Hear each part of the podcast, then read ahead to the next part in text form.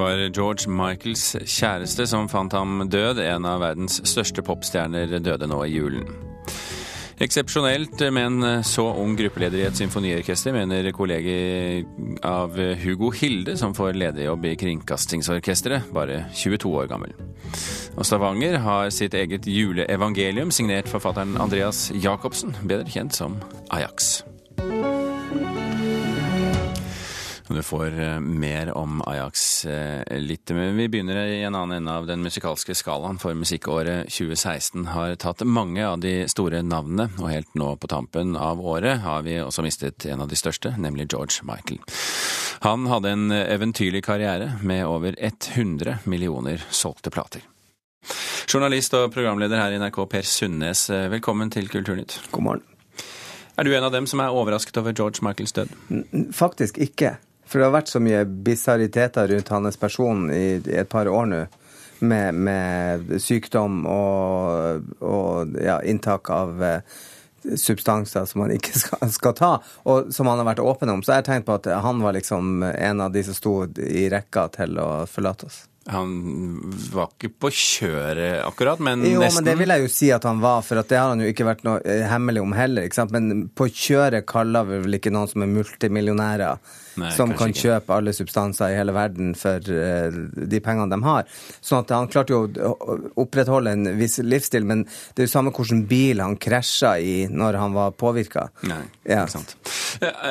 Hans musikkarv står jo stødig i seg selv, eh, men hvor tett sammenvevd er musikken og privatlivet hans?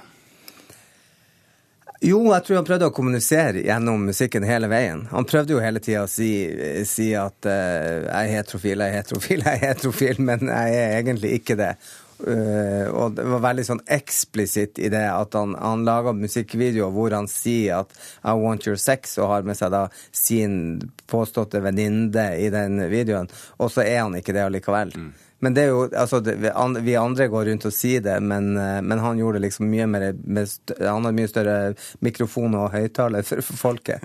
Men han, han, kom jo brått og til dels også ufrivillig ut av skapet som homofil i, i Beverly Hills i en, en, litt sånn skandaløs eh, episode med politiet der. Ja, da han, bruker han jo også dette i musikken. ikke sant? Og da kom en, Outside. Ja, da lager han en låt som heter Outside, hvor videoen også er diskokuler og politi på et offentlig toalett. Mm. Og det er jo ikke lov i Norge heller, det. å hatt sex offentlig. Så det, Han syntes jo det var diskriminerende for at han var homofil, men det mener jo jeg det er bare tull. Men, men han brukte liksom Han hadde en talerstol, og den brukte han til alt. Men når alt kommer til alt, så tror jeg at det som står igjen etter han, er jo musikken. Men han ble jo også politisk, eh, i økende grad politisk engasjert, eh, ikke, ikke som politiker, men i, i, spørsmål? Alltid. Men han begynte jo, han var jo med i Band Aid, Do They Know It's Christmas med Bob Geldof. Og fra derav og fremover så var han hele tida på barrikadene når han følte noe var urettferdig. Mm. Og av og til så var det litt sånn naivt, ikke sant? At, at det kunne være naive saker han var med på. Men veldig ofte så hadde han sånn brennende engasjement. Og, og brukte Shoot the Dog handla jo om amerikansk politikk, ikke sant? Hvor han skulle liksom ta livet av presidenten. Eh, men, men, igjen, det får jo ikke noe annet enn altså Det blir jo fot, et fotmerke i hans uh, arv. Han var jo en profilert homofil artist, men var han viktig for homobevegelsen? Ikke når han var skjult og, og menga seg med supermodeller, men når han ble åpen, så var han jo selvfølgelig det. For da tenkte du å, det var det vi visste hele tida ja. når vi så Club Tropicana. Han at han er en av oss. Ja. og da tilgir det jo alt. Men har han, da, har han da fått siden det var så mye styr med han, har han fått den anerkjennelsen som musiker og låtskriver som han fortjener? Nei, det tror jeg det, det historien kommer til å gjøre, å gi han den anerkjennelsen. Jeg syns jo at mye av det bråket, og han bråka mye med plateselskap og, og, ja, og, politikk og sånne ting, som gjorde at han Det sto litt i veien for musikken hans. Så det var mange år han ikke ga ut noen ting. ikke sant? Det håper jeg jo at vi får frigitt nå, da, mm. når han gikk bort, at det, det sitter noen med arven hans og gir oss alle de perlene som ligger i en skuff. Vi får vente og se. Per Sundnes, takk for at du kom til Kulturnytt.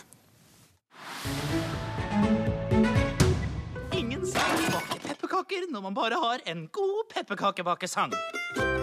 Ja, dette må vi si var overgangen sin, eh, reporter Mari Sandmann fra George Michael til Hakebakkeskogen. Men grunnen til at vi hører dette, er jo selvfølgelig at eh, filmen Hakebakkeskogen har, eh, hadde premiere for to dager siden.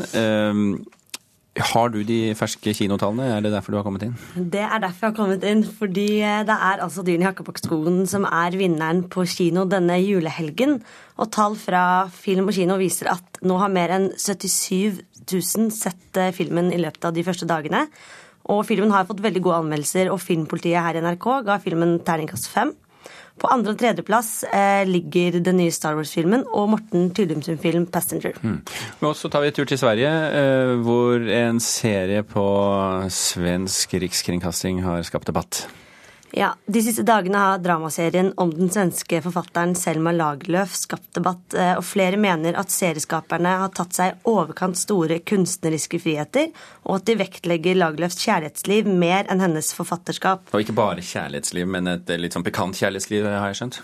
Eh, ja, det, det, skal visst være noen, noen eh, scener fra noen prostituerte kvinnelige prostituerte i utlandet mm. og litt sånne ting som flere reagerte på, bl.a. hennes familie. Og serien ble for første gang sendt i 2008, og nå sender altså SVT serien igjen. Men seriens produsent forsvarer at de kunstneriske valgene de som er tatt, og understreker at serien ikke er helt bokstavtro. Ja. Skal vi ta med litt om Britney Spears på tampen også? Ja, det syns jeg. Fordi Sony Music har jo eh, klart å erklære Britney Spears død på Twitter. Og så viste det seg at det var hackere som eh, sto bak eh, denne Twitter-meldingen, da. Men eh, Sony Music beklager altså nå til Britney og hennes fans, for Britney er altså ikke død. Vær kritisk til hva du leser på internett, er vel moralen her. Mari Sandmann, takk for at du orienterte.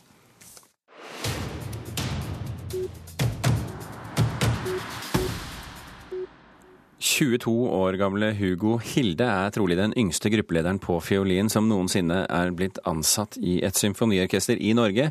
Nå er han klar for lederjobb i Kringkastingsorkesteret, og det er eksepsjonelt, skal vi tro Orkester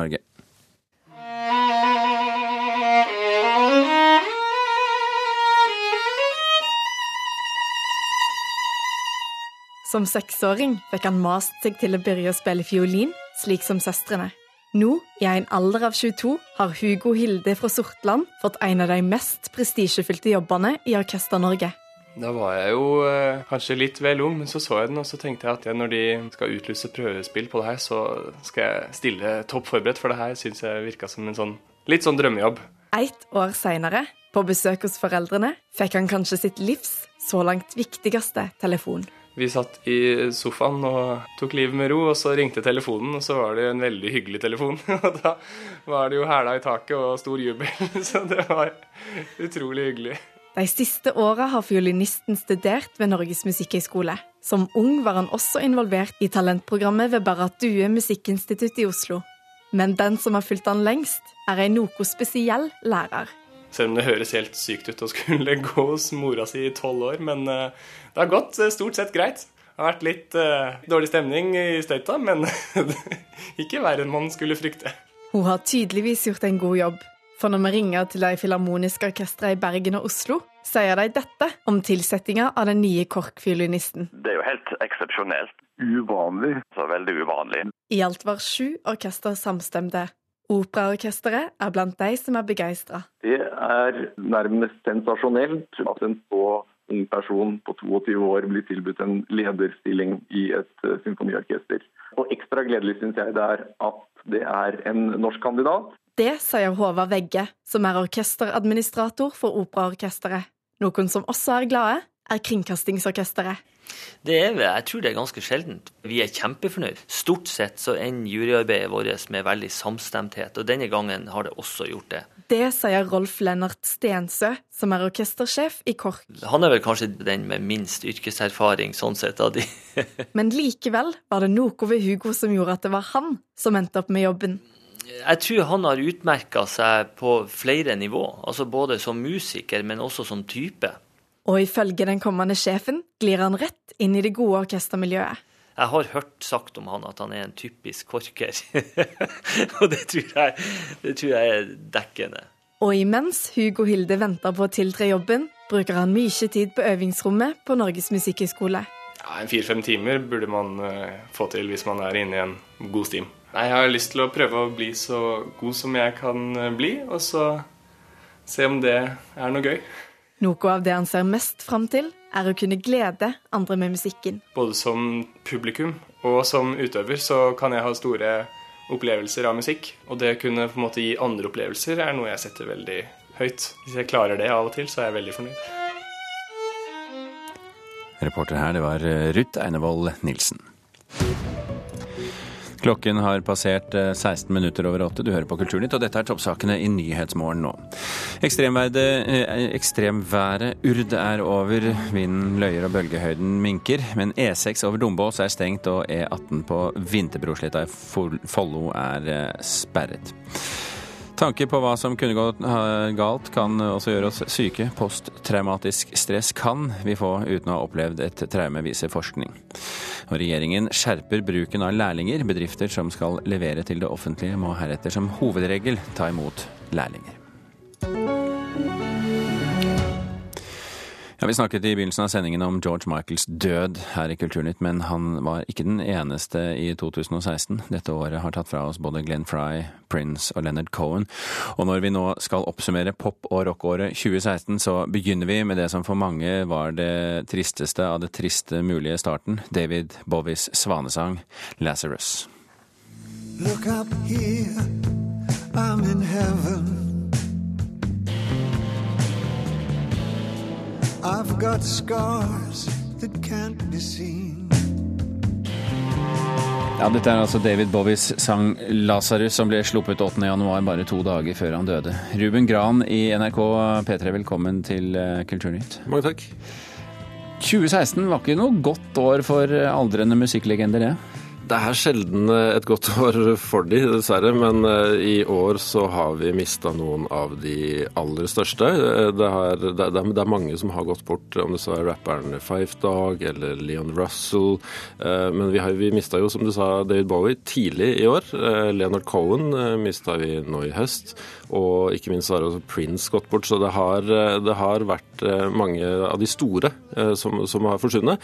Men som samtidig også har gitt oss to to, av de flotteste albumene i år. Leonard Cohen slapp en, en, nydelig plate, og som du sa, så gjorde også David Bowie det eh, omtrent akkurat da han eh, gikk bort. En plate som, eh, som både ble trukket mye frem i, forhold til at han gikk bort, men som uh, isolert sett òg er et praktfullt uh, verk. Mm. Uh, det, det, er jo flere som faller fra også albumformatet kan man jo nesten eh, kalle at det ligger på, på sotteseng, eh, men ikke bare.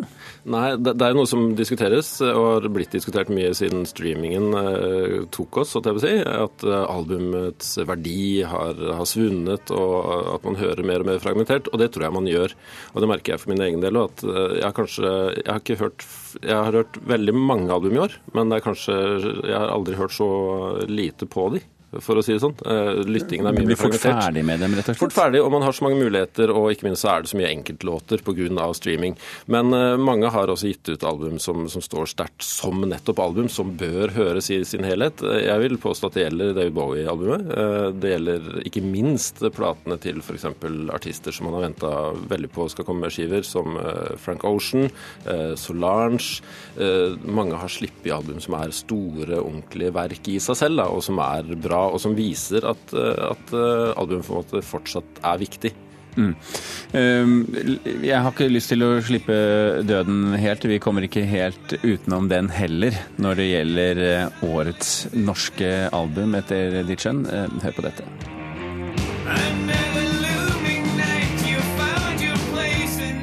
Dette er ikke sånt som er veldig kjent for veldig mange, kanskje. Ruben, hva er det vi hører? Det er et band som, som kaller seg Årabrot, som har vært Som har bråkt og herja og skreket og tatt oss, mange av oss i hvert fall, med storm i, i årevis, men som i år ga ut albumet The Gospel, som er enda et eksempel på at albumet er viktig, i tillegg til at enkeltlåtene der er sterke. Men du nevnte jo død rett før, og mannen som, som strengt tatt er uh, Kjetil Nærnes, han fikk på et tidspunkt eh, beskjed om at han hadde kreft av den eh, sannsynlig dødelige sorten som, eh, som jo var faretruende eh, for han og, og musikken som han, som han, skaper. Eh, måten han deala med det på, var å dra på turné til London, fordi han tenkte at hvis det her er min siste tid, så skal jeg i hvert fall uh, yte den. Spille i London. Så skal jeg i hvert fall spille i London. Så, så, han, han, så han, lagde masse musikk, uh, og ble heldigvis uh, kvitt kreften. og lagde et album mye Eh, basert på nettopp det at han trodde han skulle dø snart, eh, og mye av det som skjer inni deg når, når du opplever noe sånt. For øvrig noe som også er veldig godt dokumentert i en dokumentar som kom nå i år om Årabråt og om Kjetil Nærnes som heter 'Cocks and Crosses', som, som, jeg vil hevde er en av de, en av de aller beste musikkdokumentarene uh, i Norge i år. Mm. Og, og det er jo ikke til å stikke under stol at det har jo vært veldig mye bra, levende, eh, livsdyktig eh, musikk som kommer ut fra 2016. 2016 må jo på sett og vis stå som et ganske godt norsk eh, pop- og rockår? Det har nok aldri vært et bedre norsk pop rock-år uh, som heter 2016 før. ok, greit. Uh, men, men, det har vært et veldig godt år. Årabrot har gitt et knallalbum som har fått stor anerkjennelse også i, i det såkalte utlandet. Det samme har Jenny Wahl levert et veldig bra album. våre black metal-helter Dark Throne har gitt ut en av sine beste skiver på, på årevis. Og Hjerteslag greide å følge opp med andre albumet sitt så, og har levert så til de grader og toppa årslister allerede. Eh, og så har vi jo denne rap-duoen Carpe Diem, som, som, selvfølgelig også har markert seg gjennom hele året ved å, ved å slippe litt og litt hele tiden. Og med det blitt superpopstjerne. Ja, for Vi snakker om dette med albumformat kontra enkeltslipp. Dette er jo noe som på sett og vis er midt imellom. Det er et slags eh, prosjekt de har, altså Heisa Montebello. Eh, men de har sluppet en og en låt som kanskje til sammen utgjør et album som riktignok aldri er blitt gitt ut. Med tilhørende videoer til alle låtene og Dyre og gjennomarbeida ja, videoer. Så der er det noe som har fungert eh, veldig godt. Og de har jo dessuten solgt ut, solgt ut Spektrum allerede tre ganger. Så hvis noen er liksom vinnerne av Når det kommer til popmusikk i, i 2016 mm. i Norge, så, så må det vel strengt tatt være Carpe Diem. Du har plukket eh, et tredje klipp her som eh, ja, kanskje overrasker meg litt. Grann. Eh, Tomine Harket? Tomine Harket og Unge Ferrari.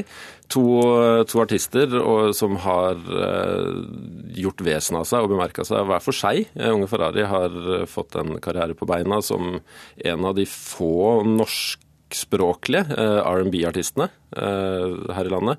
Og Tomine Harket har vi jo sett eh, på fjernsynet, men ikke, ikke, minst så har de to skapt mykt, sensitivt dyn, krutt sammen på, på, en EP som heter, som heter Hevn, som er noe så sjelden som en duett-EP. Mm. med en mann og en kvinne som synger på norsk, som synger om de nære og kanskje litt klissete tinga, men som ikke bare slipper unna det, men som setter ord på ting på en måte som, eh, som vi kanskje ikke har turt helt å gjøre sjøl, og med nydelige melodier. Og med det så har det blitt uh, suveren musikk, og kanskje en av årets beste norske låter uh, i, i, mine ører. Uh, 'Nostalgi tre millioner'.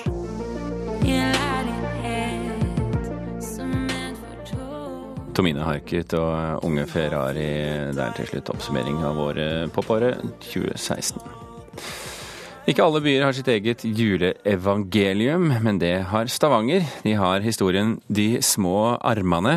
Den er skrevet av Andreas Jacobsen, bedre kjent som Ajax. Og han skrev flere hundre historier og viser på dialekt, og har mer enn noen annen klart å beskrive folkesjela i Stavanger, hvis vi skal tro de som mener det. Men vi kan ikke gå ifra hverandre før vi har fått hørt det stavangerske juleevangeliet. Kan vi vel? Det var bare ei uke igjen til julaften.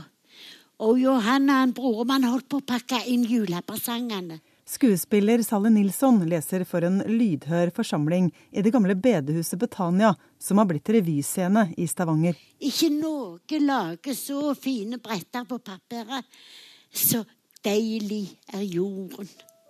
Og aldri blir sløyfene så flotte som når du knytter de til tonene ifra Her kommer dine arme små.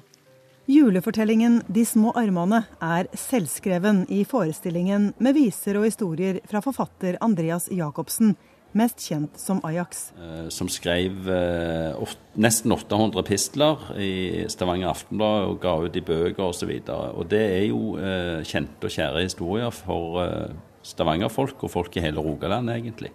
Sier skuespiller Torfinn Nag, som de siste fire årene har vært med på å lage Ajax-forestilling hver søndag i advent, sammen med noen av de mest folkekjære skuespillerne i byen. Hvorfor er det bare de små armene som kommer att stall i grå? spurte han broremann. Han er veldig flink til å gå inn på en måte i hovene til unger, og, og, og, han skriver mange gjenkjennelige historier. Han ser det store i det små, på en måte. Også NRK Rogaland har tradisjon med å sende de små armene hver eneste julaften. Arm betyr fattige, sa hun da kløinga begynte å virke på fantasien. Nå lyger du godt. Han brormann sendte henne et sint blikk. Men Ajax hører ikke bare jula til, for historiene og visene om Johanna, broremann, Pitter og frøken Sørensen beskriver selve folkesjela i Stavanger, sier skuespiller Pål Mangor Kvammen. Hvis du leser historiene hans, så får en på en måte et veldig godt bilde av hvordan Stavanger var på 50- og 60-tallet. De beskrivelsene som han gjør av små folk, da, og hvor han lager de så store, det er fantastisk. Og så kysten! Men gummen må ha sikta godt, for han traff den like under nesen. Det er personer som vi har kjent siden vi var små unger. Så han er så jordnære. Og så er det dialekt. For meg det er viktig. Jeg har faktisk tatt med Ajax-bøkene når jeg har reist til utlandet. Og En gang så satt jeg på flyet og lo, sånn at folk eh, lurte nok på om jeg var helt med meg sjøl. Men jeg var hjemme i Stavanger. Kom hjem og få kumle med dette her er barndommen om igjen. Og det er sanger som jeg har sunget fra vi var små.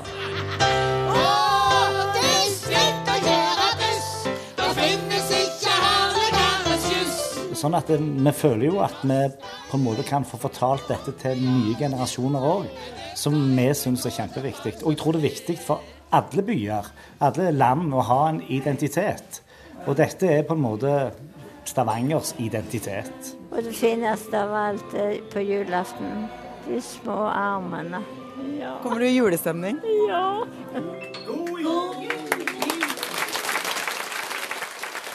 Det var Anette Johansen Espeland som hadde vært på Ajax-forestilling i Stavanger. Kulturnytt er eh, slutt. Vi har snakket om George Michael i dag. Døde nå i julen. En død som ikke kom overraskende på vår ekspert Per Sundnes. Og vi runder av. Stine Tråholt og Birgit Kolsrud Aasund takker for følget. Hør flere podkaster på nrk.no podkast.